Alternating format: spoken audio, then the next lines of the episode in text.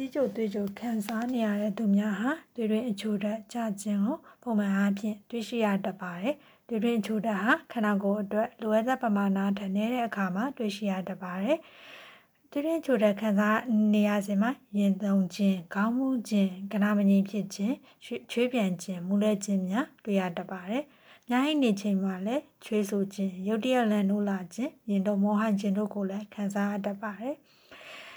အထိုးတို့ခံစားနေရစဉ်မှာတွင်တွင်အချိုတက်ကိုပုံမှန်ရအောင်အမြန်လုပ်ဖို့အရေးကြီးပါတယ်အချိုတက်ကိုပြန်လည်ရရှိနိုင်တဲ့တကြားလုံးအချိုရည်အစားရှိတဲ့အစားအစာများကိုစားလို့ရပါတယ်ကာဗွန်ဟိုက်ဒရိတ်ကို15ဂရမ်ပမာဏလောက်တာစားပေးသင့်ပါတယ်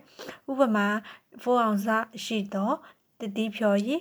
ဒါမှမဟုတ်ရင်ရှောင်းစားရှိရဲ့နွားနို့ဖန်ခွက်တစ်ခွက်စာကိုတောက်ပေးလို့ရပါတယ်။ချောကလက်မြေပဲချီးစ်တို့ကိုစားခြင်းဟာအချိုတက်ကိုလျှင်မြန်စွာမရတဲ့အတွက်အကျိုးမရှိပါ။ဒီတွေးရင်းအချိုတက်နဲခြင်းဟာစိတ်နဲ့အစာမညီတဲ့အခါမှာတွေ့ရလေရှိတတ်ပါတယ်။အစားမစားပဲလေ့ကျင့်ခန်းအပြင်းထန်လုပ်ခြင်းအင်ဆူလင်ထိုးနေသူများမှာ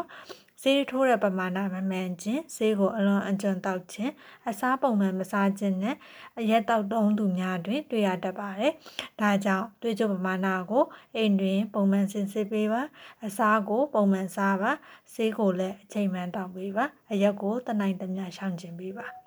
တွေတွင်အချိုတာပမာဏကျဆင်းခြင်းဟာအသက်အရွယ်ဆုံးမတဲ့အထိဖြစ်နိုင်တဲ့အတွက်ကြောင့်မကြာခဏတွေတွင်အချိုတက်ချနေပါက အစရာဝင်နဲ့တိုင်ပင်ဆွေးနွေးဖို့လိုအပ်ပါတယ်ရှင်အားလုံးပဲကျေးဇူးတင်ပါတယ်ရှင်